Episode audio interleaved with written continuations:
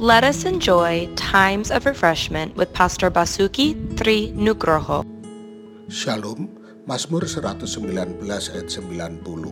Kesetiaanmu dari keturunan ke keturunan, engkau menegakkan bumi sehingga tetap ada. Jim dan Carol Simbala berdoa dan memuji serta berkhotbah sambil melewati mimpi buruk pribadi selama dua tahun. Putri remaja mereka, Krisi, telah meninggalkan Tuhan yang mereka cintai dan layani dengan sangat setia. Meskipun hati mereka hancur, Jim dan Carol terus melayani orang-orang di Tabernacle Brooklyn di New York City.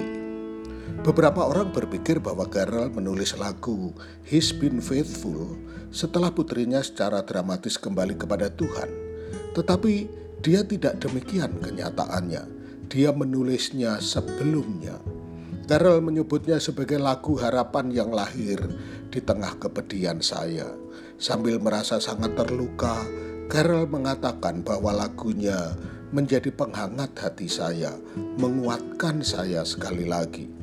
Kata-kata yang dia tulis selama waktu itu membantunya untuk maju.